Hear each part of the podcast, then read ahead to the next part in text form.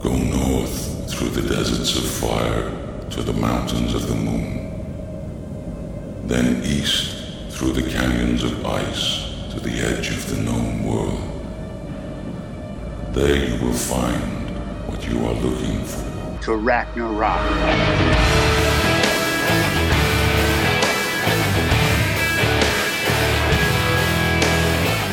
God kvöld og velkommen til Ragnarok og tvar tøymar vi rotje og tungmål med. Danskur, retro-rocker og nudj amerikansk verskatlan vi navnframon gestatonlagaron Askronni og i kvöld. Danske retro-rockbalkeren Time Child kom i september i fjör vi er i uka og søyne Blossom and Plague. Vi tåsar vi åtta mannen Anders Folten Brink. Today was yesterday er nu tversgatlan amerikansko fjöldtónlagarnir Angelo Barbera og trommeslåaren Ty Dennis hava tidgjesti til. Det særlige er at her av kjolnevnt og debututgave syne hava finnje navnframar tonlagarar at hjelpa sær. Alex Lifeson, gitarlagaren ui Rush, lotteker av høyle seks av tøymen tutsi løven om. Og så Robbie Krieger, gitarlagaren ui The Doors, som er vi at tøy øynene. Vi pratar vi Angelo Barbera og Ty Dennis om Today Was Yesterday og Nucho Ugauna. Senast i sendingene spela vi tru lo ur Nuccio boksutgavene Rock Justice, Complete Recordings 1903 til 1906. Her tror der fyrst og første studieutgavene til Alcatraz er og Saunawar. Velkommen til tvær tøymar vi Time Child, Today Was Yesterday og Alcatraz. Velkommen til Ragnar Rock. Hej, det er Anders fra Time Child, og du lytter til Ragnarok. Rock.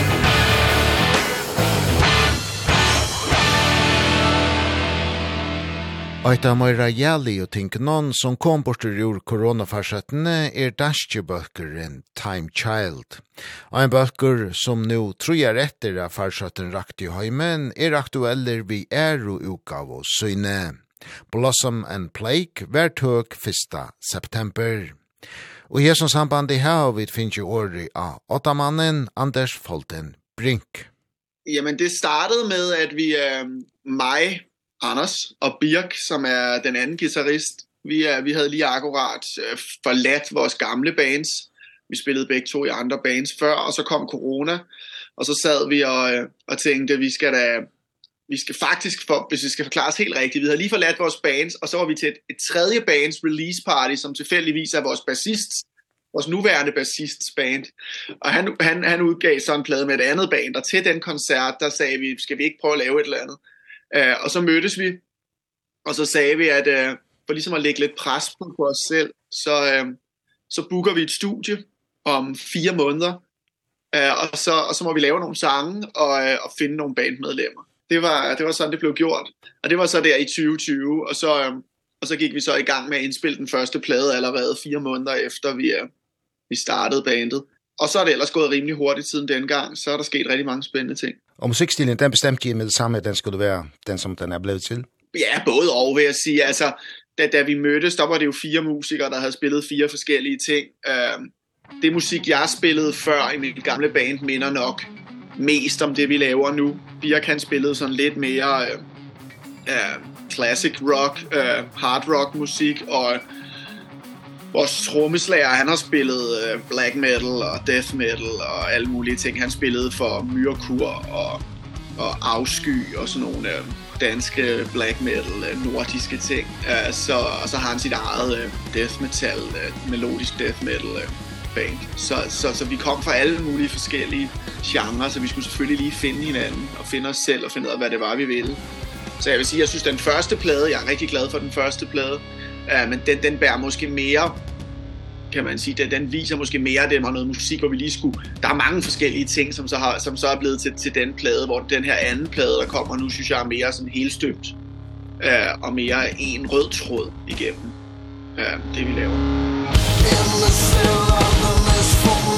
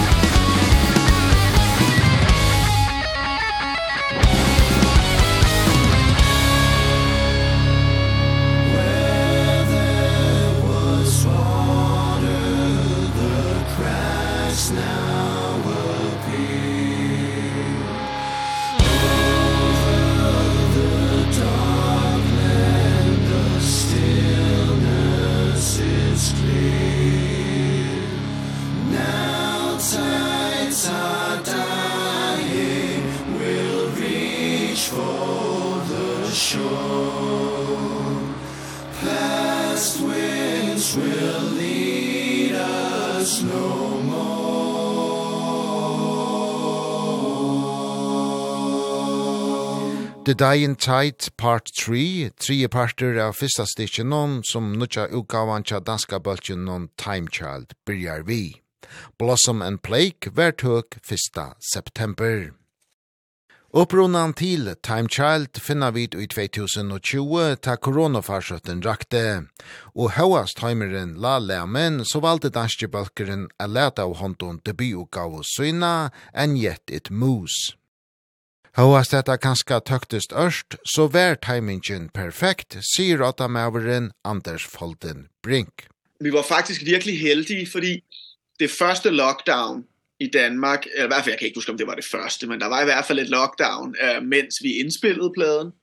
Øh, så det var jo perfekt. Så var der masser af tid. Vores producer, Søren Andersen, så han, øh, han er en travl mand, han spiller med alle mulige forskellige folk, så han, øh, han er ofte væk, men det kunne han jo ikke der. Øh, så der havde vi masser af tid til at lave musik, så det var godt for os. Øh, og vi kunne koncentrere os om at skrive pladen og indspille pladen, og efter vi havde indspillet pladen, kunne vi koncentrere os om at, at lave alle de andre ting klar, som man skal lave klar til en, til en, til et release, altså cover art og t-shirts og merchandise og alting. Og faktisk mere eller mindre lige så snart, at vi, øh, at vi var klar til at spille live, så åbnede landet op igen. Jeg tror, det åbnede, jeg kan huske, det åbnede den 6. maj og vi eller den og vi spillede den første koncert den 7. maj eller sådan et eller andet lignende så så det var det var virkelig heldigt. Og så spillede vi et et eller andet 25 30 koncerter der det første år i den åbne periode og så og så to dage efter vores sidste koncert så var der lockdown igen. Eh uh, og så havde vi en lille koncertpause så vi har faktisk eh uh, vist nogle irriterende nogen som faktisk synes at corona var meget godt uh, for os ja. men, men det har selvfølgelig været noget lort for musikbranchen, ja. det er klart. Ja. Men, men for os var det faktisk okay.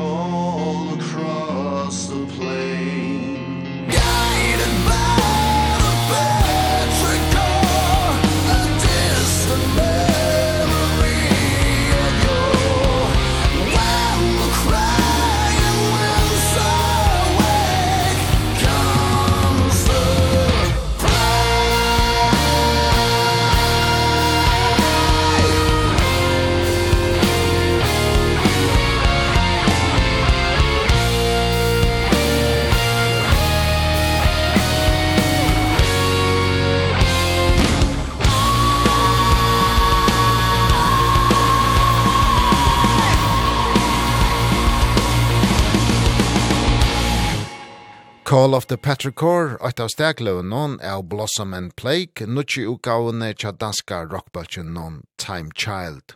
Onner utgava torra var tøk 1. september. Time Child hevur trújar bætje og åtta mævren Anders Folden Brink metor at limenir hava ment seg bæje som tónleikarar og personliga, så jan bøkkeren var stånavur i 2020. For det første så har man jo lært hinanden at kende. Vi kendte godt hinanden lidt personligt før, men også musikalsk og spille sig ind på hinanden. Da vi indspillede den første plade, havde vi aldrig spillet en live-koncert før sammen. Så det var ikke et band, der havde spillet en, en, en live-koncert. Nu har vi måske spillet, jeg ved det ikke, 50 eller sådan et eller andet lignende. Så, øhm, så det, øhm, det, det, det kan man jo høre. Det var noget af det første, som vores producer Søren Andersen sagde, var, når vi kom i studiet igen. Man kan godt høre i... Øh, vi har spillet nogle live-koncerter, fordi vi spiller så vidt muligt øh, live i studiet også. Den, den sådan sound vil vi gerne have. Ja. Den, jeg synes, det, vi synes, det klæder vores musik at have den der lille smule uperfekte øh, lyd. Øh, alt med måde selvfølgelig, men, men det giver sådan en, når, når bunden af musikken er live, så, så, så Selvfølgelig lægger vi ting ovenpå bagefter, vokaler og soloer og alle sådan nogle ting. Men altså guitar, bass og trommer prøver vi så vidt muligt at køre sammen i studiet. Øh, ikke fordi vi er altså traditionalister på nogen måde, så det skal være first takes og sådan noget, men, men, men, men sådan den grundlæggende stamme i musikken er, er live indspillet, og det gør, at det får en særlig sound, som vi synes er godt for os. Hvis man spillede noget super teknisk, øh, som skulle være helt perfekt, så så var det en anden snak, men lige til vores musik, der synes vi, det er vigtigt at gøre det på den måde. Så det er klart, når vi var ude og, og spille 50 live-koncerter, så har det jo givet os øh, en del træning i det. Øh, så på den måde har vi udviklet os, og så også stilistisk har vi helt klart også udviklet os. og at finde frem til, hvad det egentlig er for, en, for, for et band, vi gerne vil være, øh, og ikke bare en kombination af de bands, vi var før. Under the night sky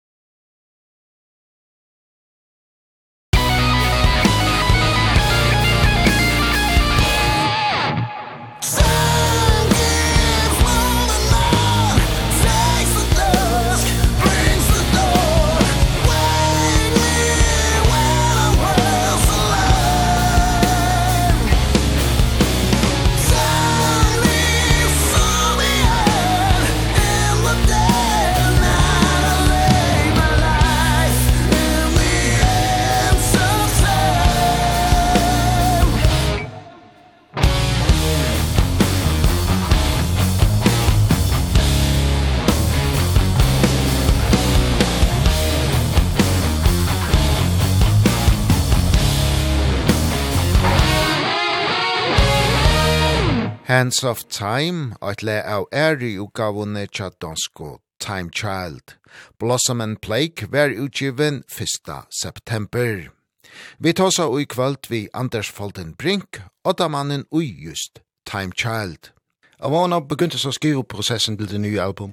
Ja, øh, altså ret hurtigt efter det første album. Øh, vi ventede jo et godt stykke tid på grund af corona, så det første album lå klar i i 10-11 måneder fra det var færdigt indspillet og mixet til det blev udgivet. Det gav os jo en masse tid faktisk i det mellemrum til at gå i gang med at lave den nye plade. Så det har det har vi været i gang med et stykke tid. Eh de første sange fra den nye plade, dem dem dem skrev for et godt stykke tid siden. Og så er det jo sådan med musikbranchen, at der er en masse ting der skal ske efter man har afleveret musikken til til pladeselskabet, så så man har ofte en masse tid til at til at forberede den nye plade der. Så vi er også allerede i gang med at kigge på den tredje plade nu, fordi vi også har ventet et stykke tid. Always moving forward, det er det. Og hvordan foregår skriveprocessen så? Sidder I til sammen, eller sender I idéer imellem jer? Eller?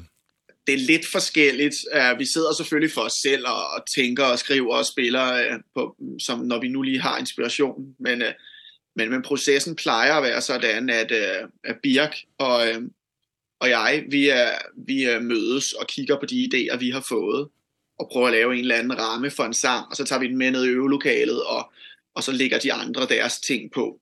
Vi, vi lader trommeslageren gøre, hvad han nu har lyst til at gøre, og bassisten gøre, hvad han har lyst til at gøre, så langt hen ad vejen, sådan så at tingene kan blive finpudset øh, og få det, det sådan musikalske touch. Men det plejer at være på den måde, vi, vi gør tingene. Og hvad er det, som inspirerer dig, når du, når du skriver musik? Og det kan være mange forskellige ting. Selvfølgelig andre bands inden for genren, det er klart. Uh, der, er, der er jo masser af fede bands, både nye bands i dag, Eh men også øh, selvfølgelig, som man nok også godt kan høre på vores musik, så er en del af, af referencerne også ting, som, er, som har nogle år på bagen. Så jeg vil faktisk sige, jeg, jeg har altid sagt på den måde, jeg synes privilegiet ved at være musiker i dag, det er jo, at man har alt det musik at blive inspireret af. Eh der er mange, der plejer at sige, jeg vil ønske, vi levede i 70'erne, og der var meget bedre musik og sådan noget, men, men, men i dag, der har vi jo netop muligheden for, for at høre alt det her musik, og for at, og lade det forme en selv til, til at ligesom at udvikle ens personlige stil. Men også mange andre ting end rock og metal, vil jeg sige, i hvert fald for mit vedkommende. Jeg har selv spillet meget klassisk musik øh, som barn, øh, og, og kan stadig rigtig godt lide traditionel musik og klassisk musik og folkemusik, og særlig nordisk folkemusik, øh, synes jeg er, er meget inspirerende. Ehm ikke fordi vi vil lave vikingemetal eller eller sådan nogle ting, men men jeg synes for eksempel den den ting som som sådan nordisk black metal har gang i med med når man når det ikke lige er black black, det er jo tydeligvis ikke noget vi laver, men mange af deres stille passager og de her atmosfæriske nordiske eh øh, tonaliteter, dem synes jeg er er meget interessante. Altså det er noget vi er vi har flettet lidt ind i vores musik og i, og i højere grad måske også vil gøre i fremtiden. Ja, den nordiske melankoli. Ja, ja, der er en eller anden, der er bare sådan en, en smuk stemning i det, øhm, som, øh, som, øh, som jeg meget gerne vil se, om man kan flette sammen med sådan den her heavy, heavy rock, som vi spiller. Og så kommer til øh, teksterne på det nye album. Er der et tema eller, eller et koncept? der er ikke sådan et koncept. Det er ikke det er ikke en konceptalbum, men men altså pladen hedder jo Blossom and Plague, så det er jo det er jo noget med med liv og død og med med med tanker omkring altså, menneskets rolle i den natur, vi nu er en del af, vil jeg sige. Øh, så det vil være det overordnede tema. Og så er der nogle mere specifikke sange på pladen. Jeg vil sige, for første gang har vi nok åbnet sådan lidt mere op for øh, lidt mere personlige øh, erfaringer og historier. Der bliver fortalt lidt omkring personlige tragedier og, og misbrug af forskellige art. Øh, særligt vores guitarist Birk har, har medvirket til at fortælle nogle af de historier, han har været igennem, øh, både med med hans families misbrug og hans far der døde af misbrug og, og hans eget hans eget misbrug som han også selv har været ude i af, af stoffer. Øh, så det er det har det det er sådan mere personligt end det har været øh, end det har været før. Øh, så på den måde så betyder mange af sangene nok også mere for os end end, end de har gjort tidligere.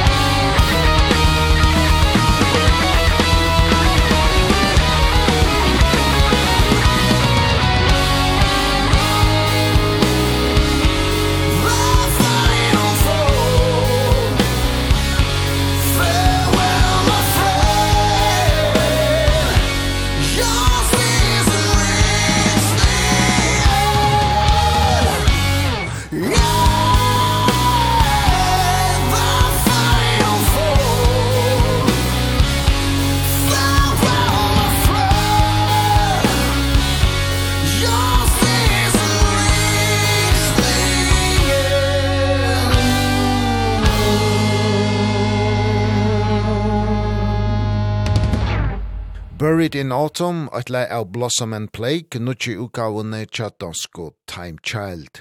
1. september vær møy at ogna ser eru utgavo Torah. Det er atur rønte danske tonlagaren og framleggeren Søren Andersen som stender fire framleggsene. Han framleggt i øsene en gjettet mus, debutgavene tja Time Child. Og samstarve vi Søren Andersen hever rikka opera vel, sier gesteren i kvöld Anders Folten Brink. Jamen altså, det er jo, det er jo et perfekt match til oss, kan man sige. Søren er jo sådan en, en musikalsk leksikon, så han, han, han ved jo alt omkring den slags musik, vi godt kan lide at spille. Uh, så, så det er faktisk bare det bedste ved at arbejde sammen med Søren, er at det er nemt. Uh, fordi at, at vi forstår hinanden. Så når vi siger, den der lyd, du ved, på den der plade, den guitar solo lige der, eh hvordan er det han gør det? Og så når ja, er det det er sådan et eller andet som det sådan og sådan og så har man bare lyden inden for inden for 1 minut. Og og og sådan går det igen og igen med mange ting. Så er han jo en meget behagelig mand at arbejde sammen med os og men det her med at ting er nemme i studiet, og man også ved det samme langt hen ad vejen, tror jeg er en rigtig vigtig ting. Ja. Øh, nogle gange kan, kan en lille smule kamp godt være sundt, øh, men, men det skal ikke være for meget. Og, og jeg har også arbejdet sammen med andre rigtig fede og mega dygtige producer, som bare har haft en helt anden øh, referenceramme for, for, for, hvad fed musik er. Og, og den kamp kan godt skabe noget rigtig godt, men det kan også blive lidt udmattende at skulle sidde i, i to uger og diskutere hver eneste beslutning, man tager. Eh så, så på den måde er det rigtig godt. Eh og så er han jo bare pissdygtig. Eh han kan lave rigtig meget, og, og vi er virkelig tilfredse med den, uh, den lyd, vi har fået ud af det. Husan til Blossom and Blake hever amerikanske Travis Smith snitjive. Og en ekvilea umbi en lista med vår som hever gjort husar til Devon Townsend, Catatonia, Nevermore, Opet, Anathema, Soilwork, King Diamond, Riverside og Avenged Sevenfold. Og at han maveren ui Time Child, Anders Folden Brink, er ekvilja vel nøktur vi arbeidet tja Travis Smith. Fikk han fri tøyler hva han skulle leve, eller sendte I ham ideer, eller? det er en kombination, vil jeg sige. Det startede med, at han ligesom, at vi beskriver, han vil gerne høre musikken, og han vil gerne se teksterne, før han går i gang. Så når vi havde pladen færdig, så kunne vi sende den til ham, og når vi havde teksterne, så han ligesom kan prøve at få en, en følelse af, hvad, hvad, hvad det er for noget musik, vi arbejder med. Og så skulle vi ligesom prøve at beskrive for ham, hvad det var for sådan noget overordnet. Vil vi have noget, noget, noget menneskeligt, eller vil vi have noget, noget urbant, eller vil vi have noget naturligt? Og, og der, så sagde vi så, at vi gerne vil have sådan en eller anden en naturlig, en naturlig ramme, som ligesom viste det her forhold mellem, mellem liv og død, uh, Blossom and Plague, og og så kommer han med nogle forskellige idéer, og så skriver man frem og tilbage, og så adder han og tilføjer og så videre. Men det er vi også virkelig tilfredse med. Vi synes virkelig, det er blevet et, et fedt cover. Lost without guidance, I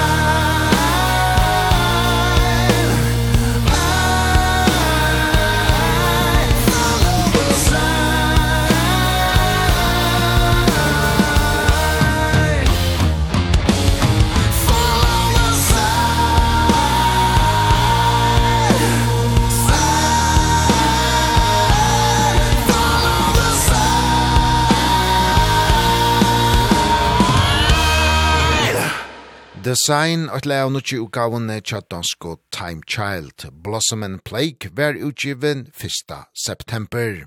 Anders Folden Brink, åtta maveren ui Time Child, ser en av Samun ASR i utgavene og debututgavene enn gjettet mus.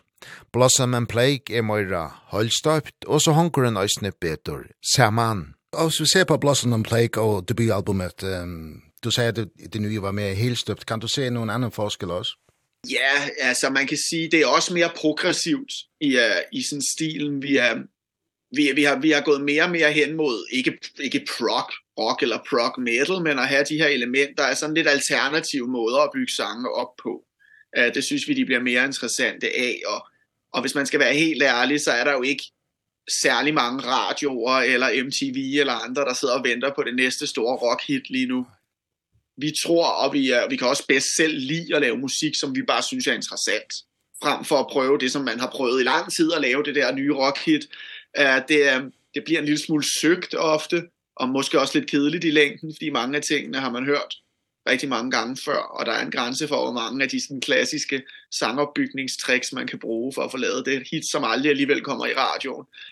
Så, så, så jeg vil sige, på den måde har vi har vi måske bare lavet det lidt mere, som vi har lyst til.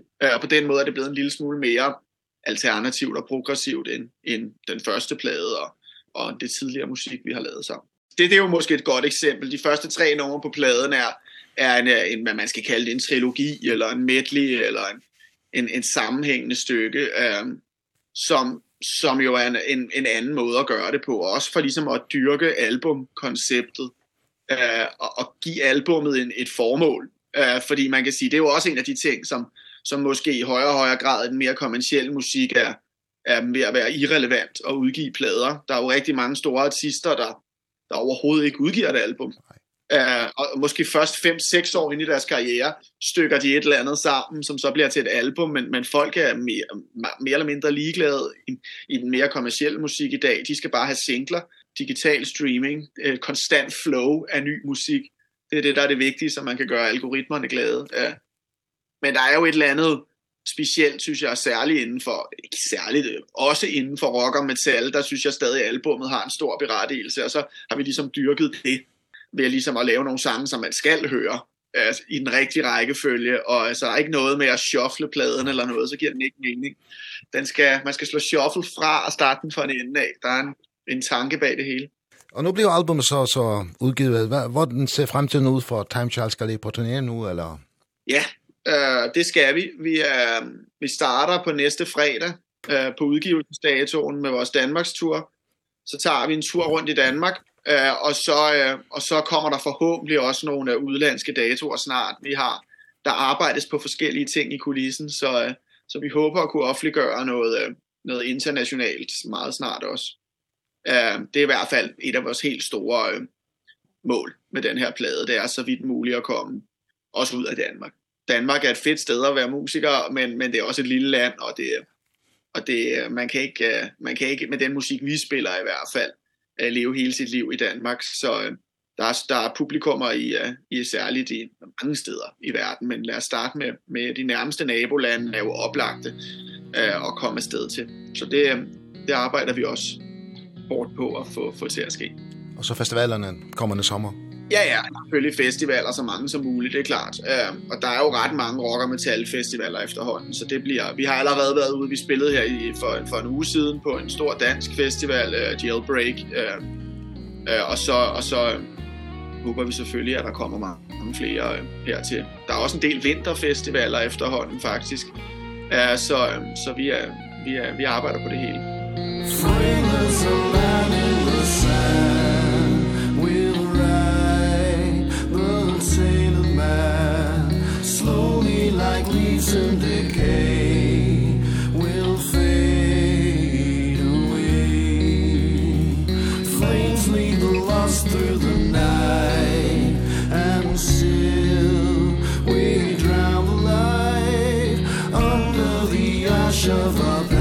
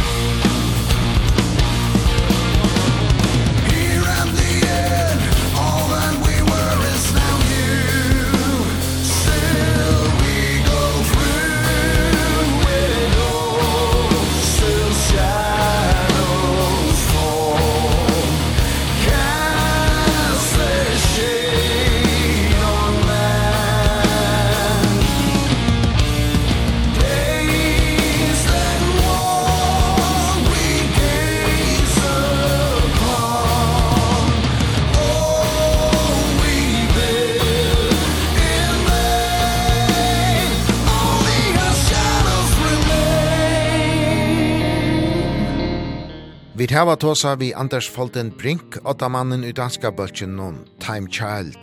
Vi prata vi om nutje uka av torra Blossom and Plague, som var utgiven 1. september.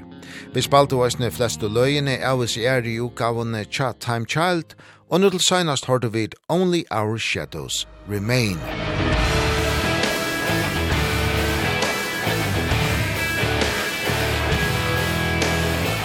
All right, this is Angelo Barbera from Today Was Yesterday, and you're listening to Ragnar Rock.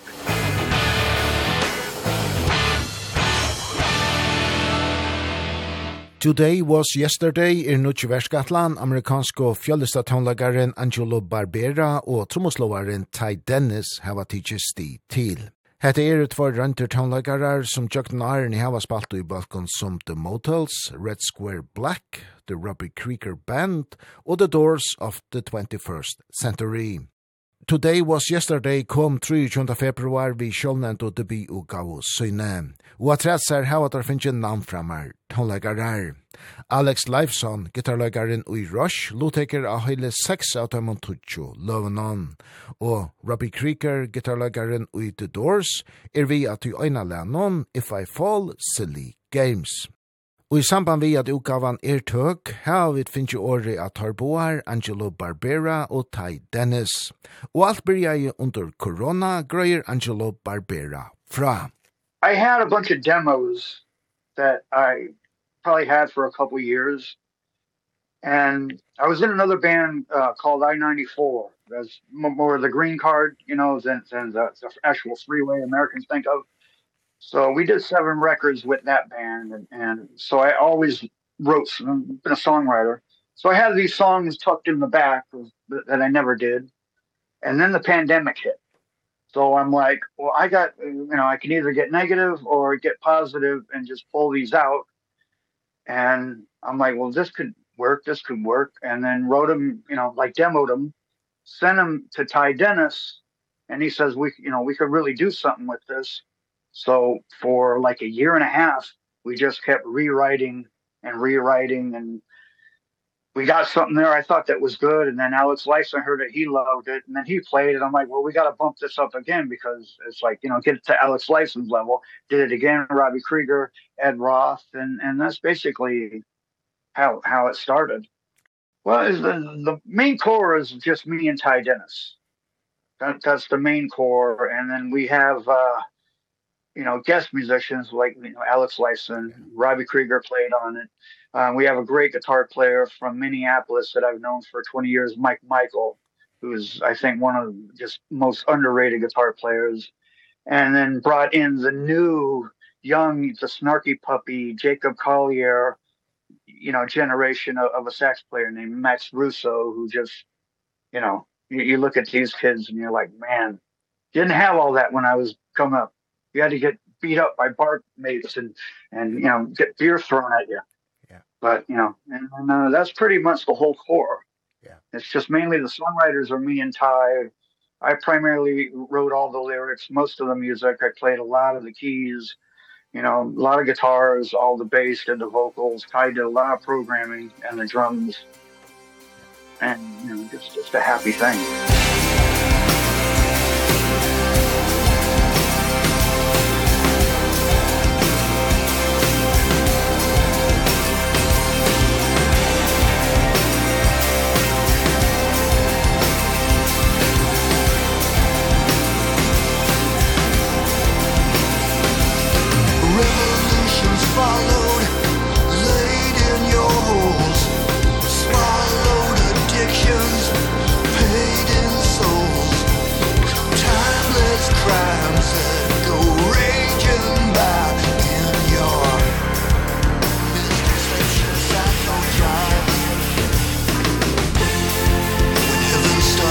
before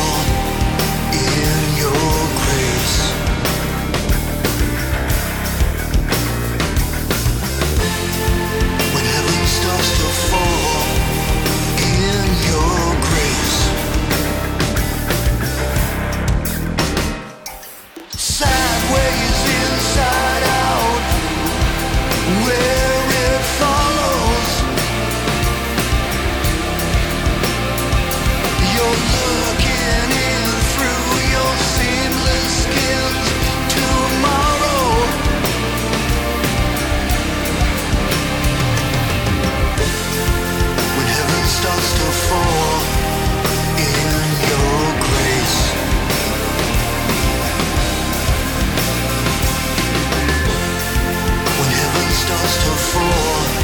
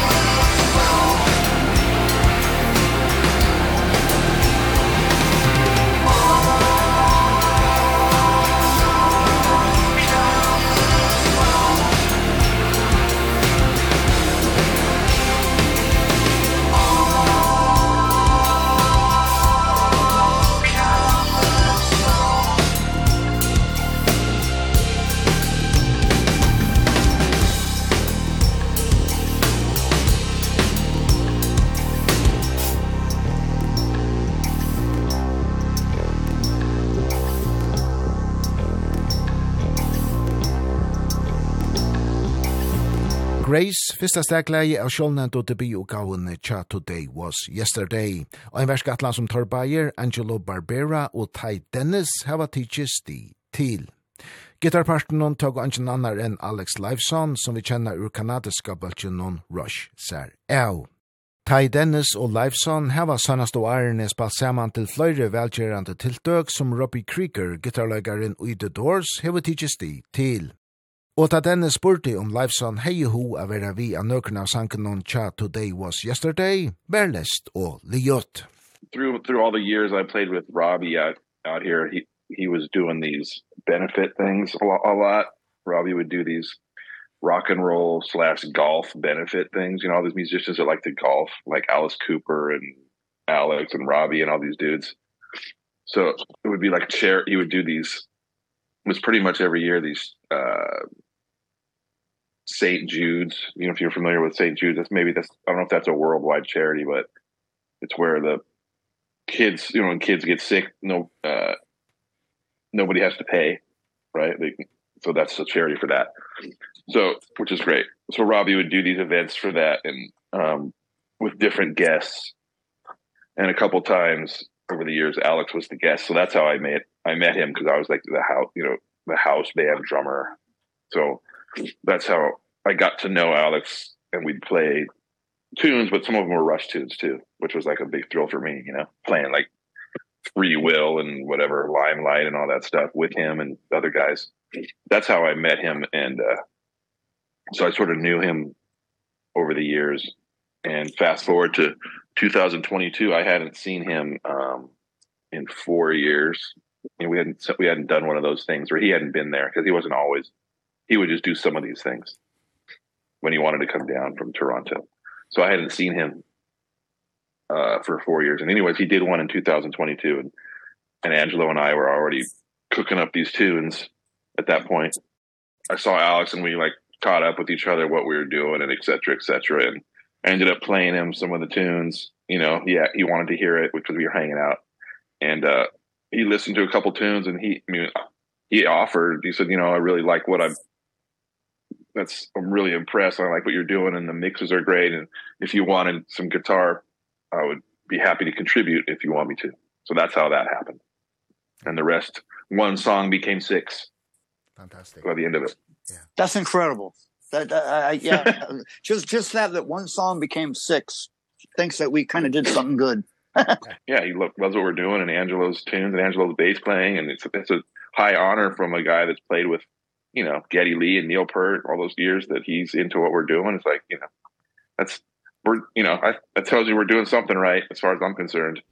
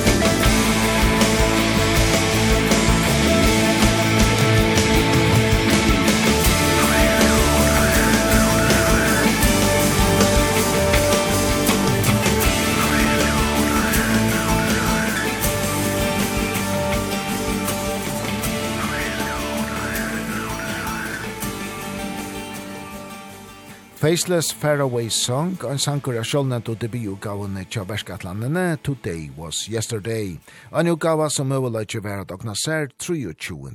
februar. Som gitarlegare hørte vi Alex Lifeson, som vi kjenner ur legendariska kanadiska progressiva rockbøltjen non Rush.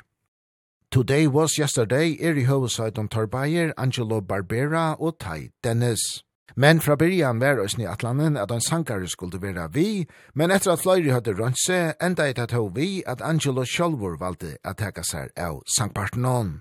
I've always been like a backup singer. I never wanted to front it, but I was bringing in, I'm like, well, let's bring in, I, I was looking for somebody like Peter Gabriel and David Sylvian. That was, that was like what I really wanted. And today's people that came in, they sing great, but there's just, there's nothing coming out you know they can hit the notes and and it just wasn't right. I had I was thing i had a guy come in that was so narcissistic he wanted me to change the whole song to fit his fit his vocal. I couldn't believe it. Most people get pissed. I just poured a j and b and i had fun with it. It was like it was an snl skit what they said. Yeah. Yeah, I don't like that part. No, okay, can we, can you just and then write out and sing something and you write the new part around my vocal. I'm like I, is it, uh, we on candy camera what the hell's going on here? yeah. You got to love that though.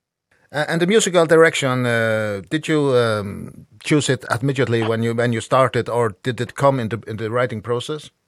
I I was really influenced by Genesis and and like Peter Gabriel, but I I want I also love like Badfinger and the Beatles and I wanted the melodies simple and then let the song speak for itself and add the chops all the little things but make sure that the melody's there and the dynamics are there and that that's pretty much how I've written my whole life you know the melody always comes first And I can hear some some cemetery rock and progressive rock. You mentioned Genesis, I can hear Rush and, and Led Zeppelin even in, in some of the songs. What is it about yeah. about this uh, music from this uh, period that that's fascinating you? it, it's just a time in music when I was a kid and like when I first saw Genesis I, I you know and this is I think it was right after Gabriel left I was a kid and I couldn't believe what I saw. It was like it was like a a Cirque du Soleil. It was like it was like it was incredible. I, I never saw him with Peter Gabriel but I saw Peter Gabriel. The Secret World Lure World Tour I saw that with the whole conveyor belt you know with the telephone and I was like incredible, you know. And and Rush I saw that I couldn't believe three people could make that big of a sound and play that good. So that that knocked me out, you know. And then you see like Holland Roots and I saw Steely Dan and yeah. even the Moody Blues, you know, when they probably wasn't the original members, but I'm like, god, it's just something about the hook. Uh, it was a great time for music in the 70s, you know that. It was, it was incredible. Yeah. And the 80s too, you know. All, all,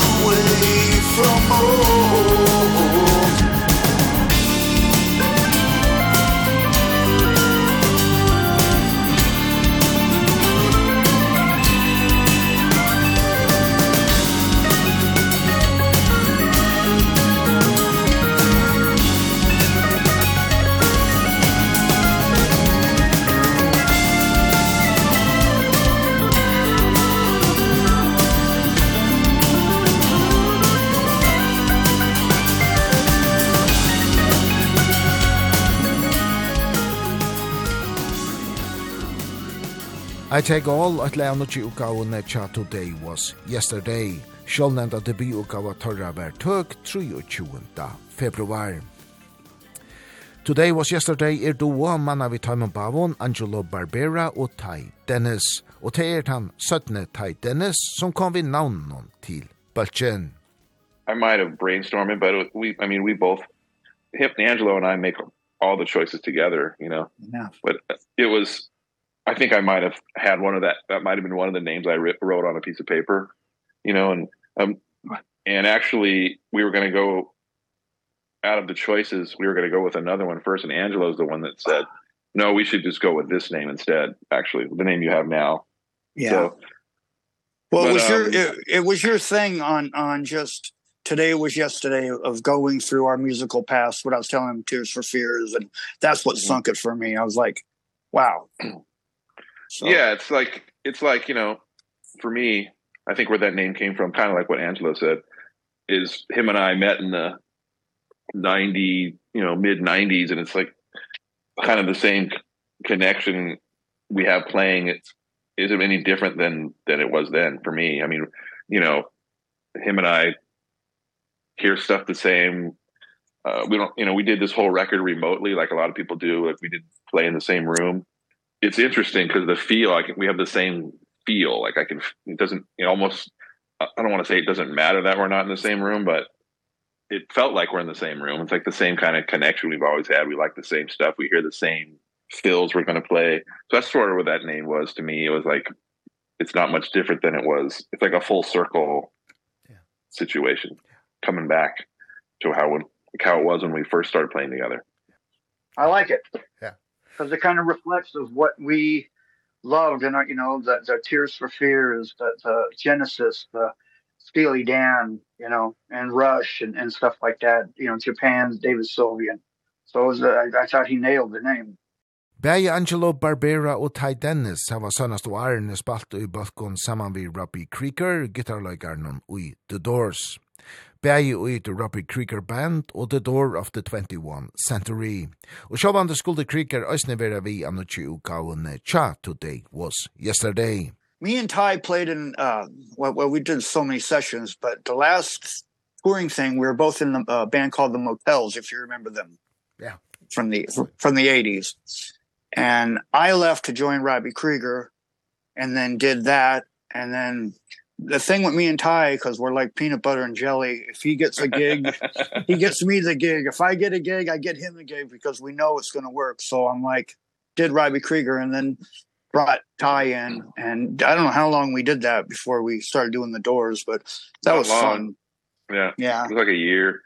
Yeah, then we did the New Doors thing from that. So that's how yeah. that progressed. Yeah. Yeah. I played with Robbie myself still. I still do his gig cuz I'm still in LA, so I I'm Angelo and I have known Robbie forever and I still play with him here and there too. So he was was, you know, he was super happy to play on our tune and it worked out great. You'll you'll hear that one in uh that one February 23rd that that's on that'll be out. Yeah. He plays slide on it. Plays beautiful.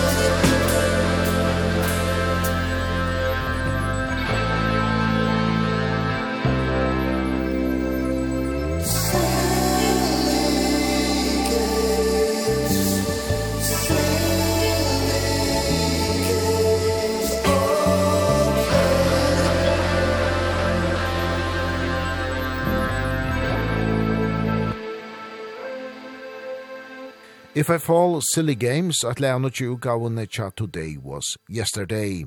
Debi ugaua torra vær tøk 23. februar. Gitarløygare a If I Fall Silly Games vær gitarløygaren ui The Doors, Robbie Krieger. Vi tossa ui kvöld vi hovsmennar ui just Today Was Yesterday, Angelo Barbera og Tai Dennis.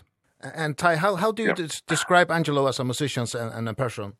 Oh man, Angelo, uh, Here we go. uh, oh no, man. Angelo's my is my brother. I mean, you know, we've known each other since mid 90s and we've gone through I mean, it's almost like a boot camp or Vietnam or something, you know, or like a or like we're war veterans, all the stuff, all the real like funny stuff that's happened to us and all the experiences we've had and um all that stuff adds up to to what you're hearing on that record really. I mean all the experiences we've had and the connection we have and um so you know Angelo's one of my best friends and also my favorite bass player for sure.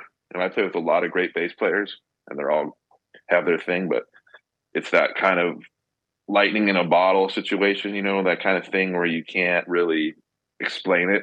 You know maybe it wouldn't happen again. It's just like that certain thing where certain people connect like you know like let's say like Stuart Copeland and Sting or something. It's like this there's a thing there. I can't it's hard to describe. It just it's there. You know, and I love his songs, you know, like when he played me these tunes. Not to like not to get your head explode, Angelo.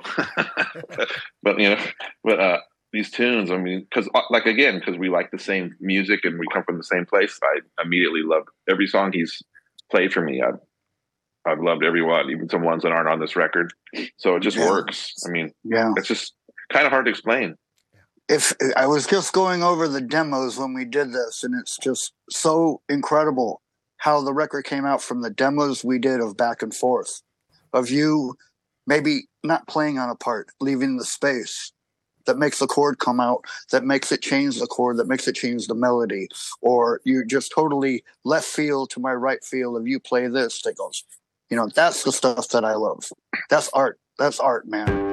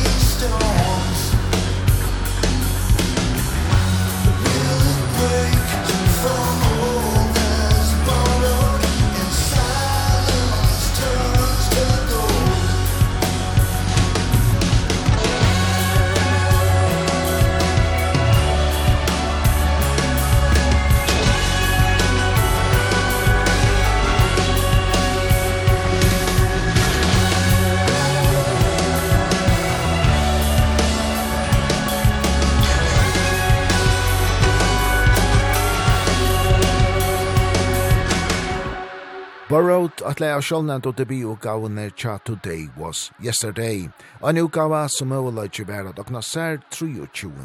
februar. Det er Angelo Barbera som hever skriva tekstene av utgavene, og i blåsteren færan imsastene fra. Yeah, I primarily write all the lyrics.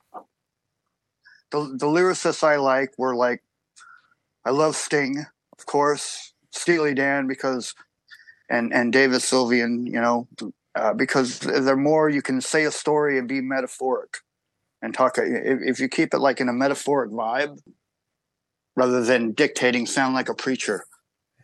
That's why I hate videos because I love music before videos because you would hear a Zeppelin tune, you know, or a Who song and maybe you wouldn't understand the syllabus and you would think that one word would make the song a different vibe in your mind and now when you see videos it's like okay that's what it is so that's just you know if that answers your question yeah. a little bit but and and, what, I just like metaphoric lyrics you know. Yeah are there any any teams you you are uh, writing about or?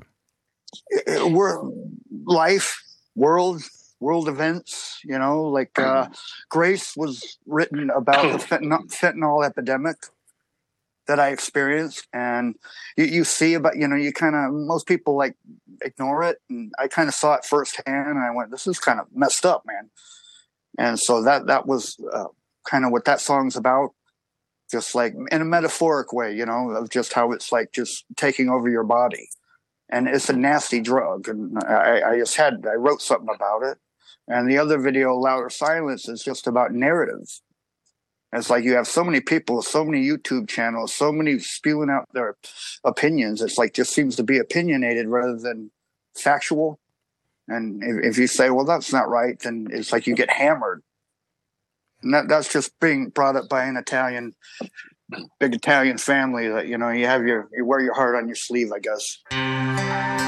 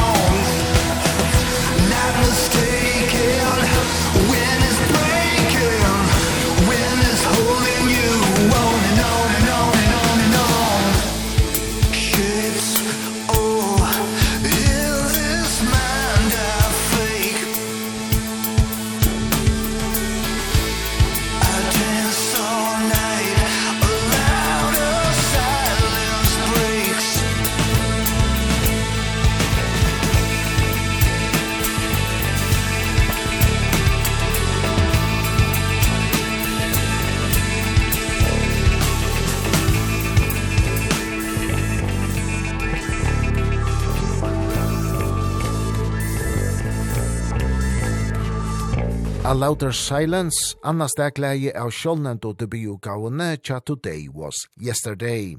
Gitarsoloina åtte Alex Liveson ur legendariska kanadiska bølgen non Rush. Jester ui Ragnarok i kvöld er og Angelo Barbera og Ty Dennis, hosmenner ui just Today Was Yesterday. And, and you two are very two busy musicians uh, who are in many projects. Uh, how high priority do you give today was yesterday?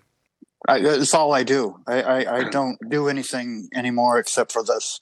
Because I, I, to be honest with you, when, when I had, during the pandemic, you know, it's like, I, I don't know, it warped my mind. It, it, it was, because we've never been in a situation like that. And it, it really bummed me out. So I said, you know what? And, and playing, I was like, you know, getting arthritic at the time at 50 something, I couldn't really do. And I'm like, you know, I'm just going to be done with this. So I said, I'm going to get these songs together and, and, and do it. And then once it came together, I'm like, my God, this is like really good. But I was done after that. I didn't tour. I turned down a, a gazillion tours and, and I just didn't want to do it. And so I just put main focus on this record and uh, timing is a, a beautiful thing. It's just the way everything, the aura lines up you know Alex playing on it uh Robbie playing on it the manager hearing it getting us a record deal all this interviewing with you. It's like you know sure. I didn't expect any of this. I just expected to like make a record and you know put it online. I didn't well expect said. this much I didn't expect this much accolades. So it's like that's why I'm such a big fan of aura and timing you know and it's it's weird just how things line up. For me yeah it's a, it's a big priority. I mean you know it's yeah, it's a lot, you know, it's it feels good, but it's, you know, to, to make it to make it get where we want to go, it's, you know, a lot of soul and sweat and um love put into it. So, you know, I'm devoting a lot of time both Angelo and I to this, you know.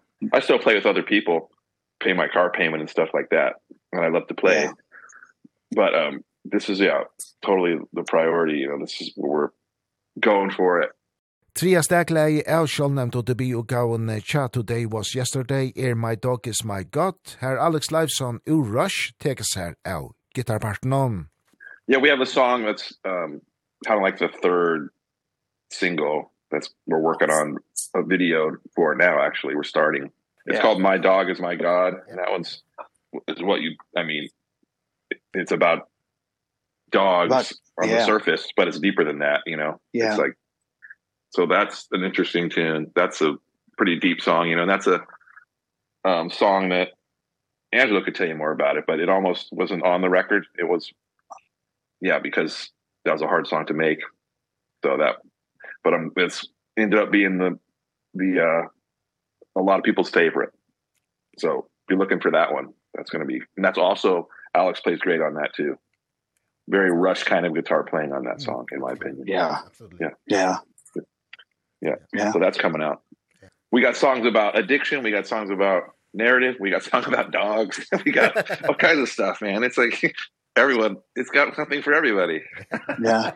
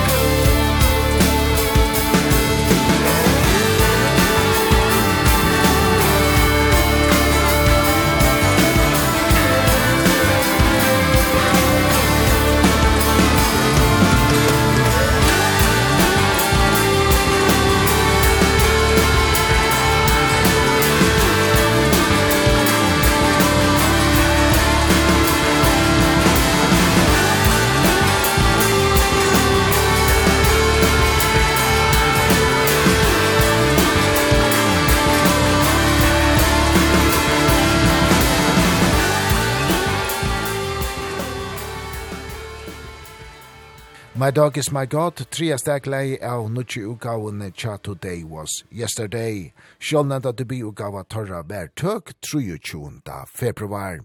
Geta sjåleina 8 Alex Lifeson.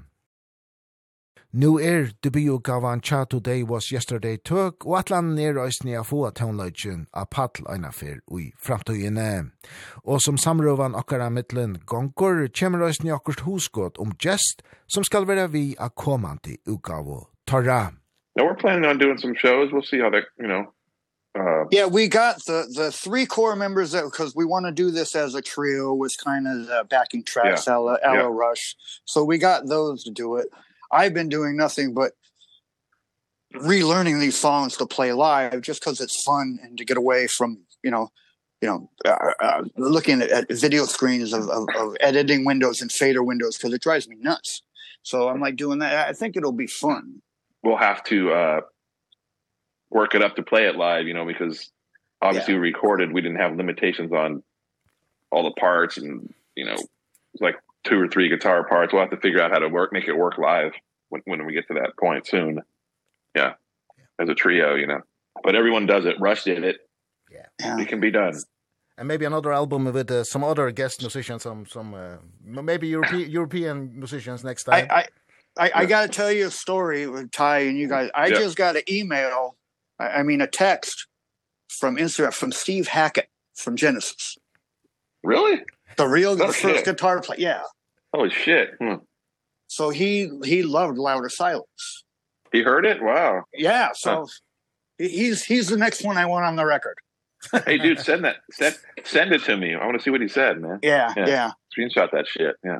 Yeah. yeah so awesome. yeah, he, he he'll be my number one call.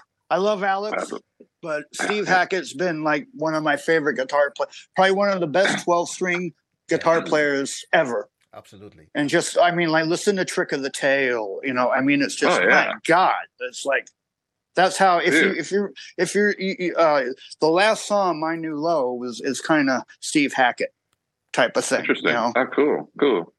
That's amazing, man. That you heard that shit. Yeah. yeah. So yeah. Yeah. So that's that's my next call. that's great, man. That's right. I want Steve Hackett. yeah. And if I can't, yeah, I'll get Buddy Hackett. yeah. oh my god.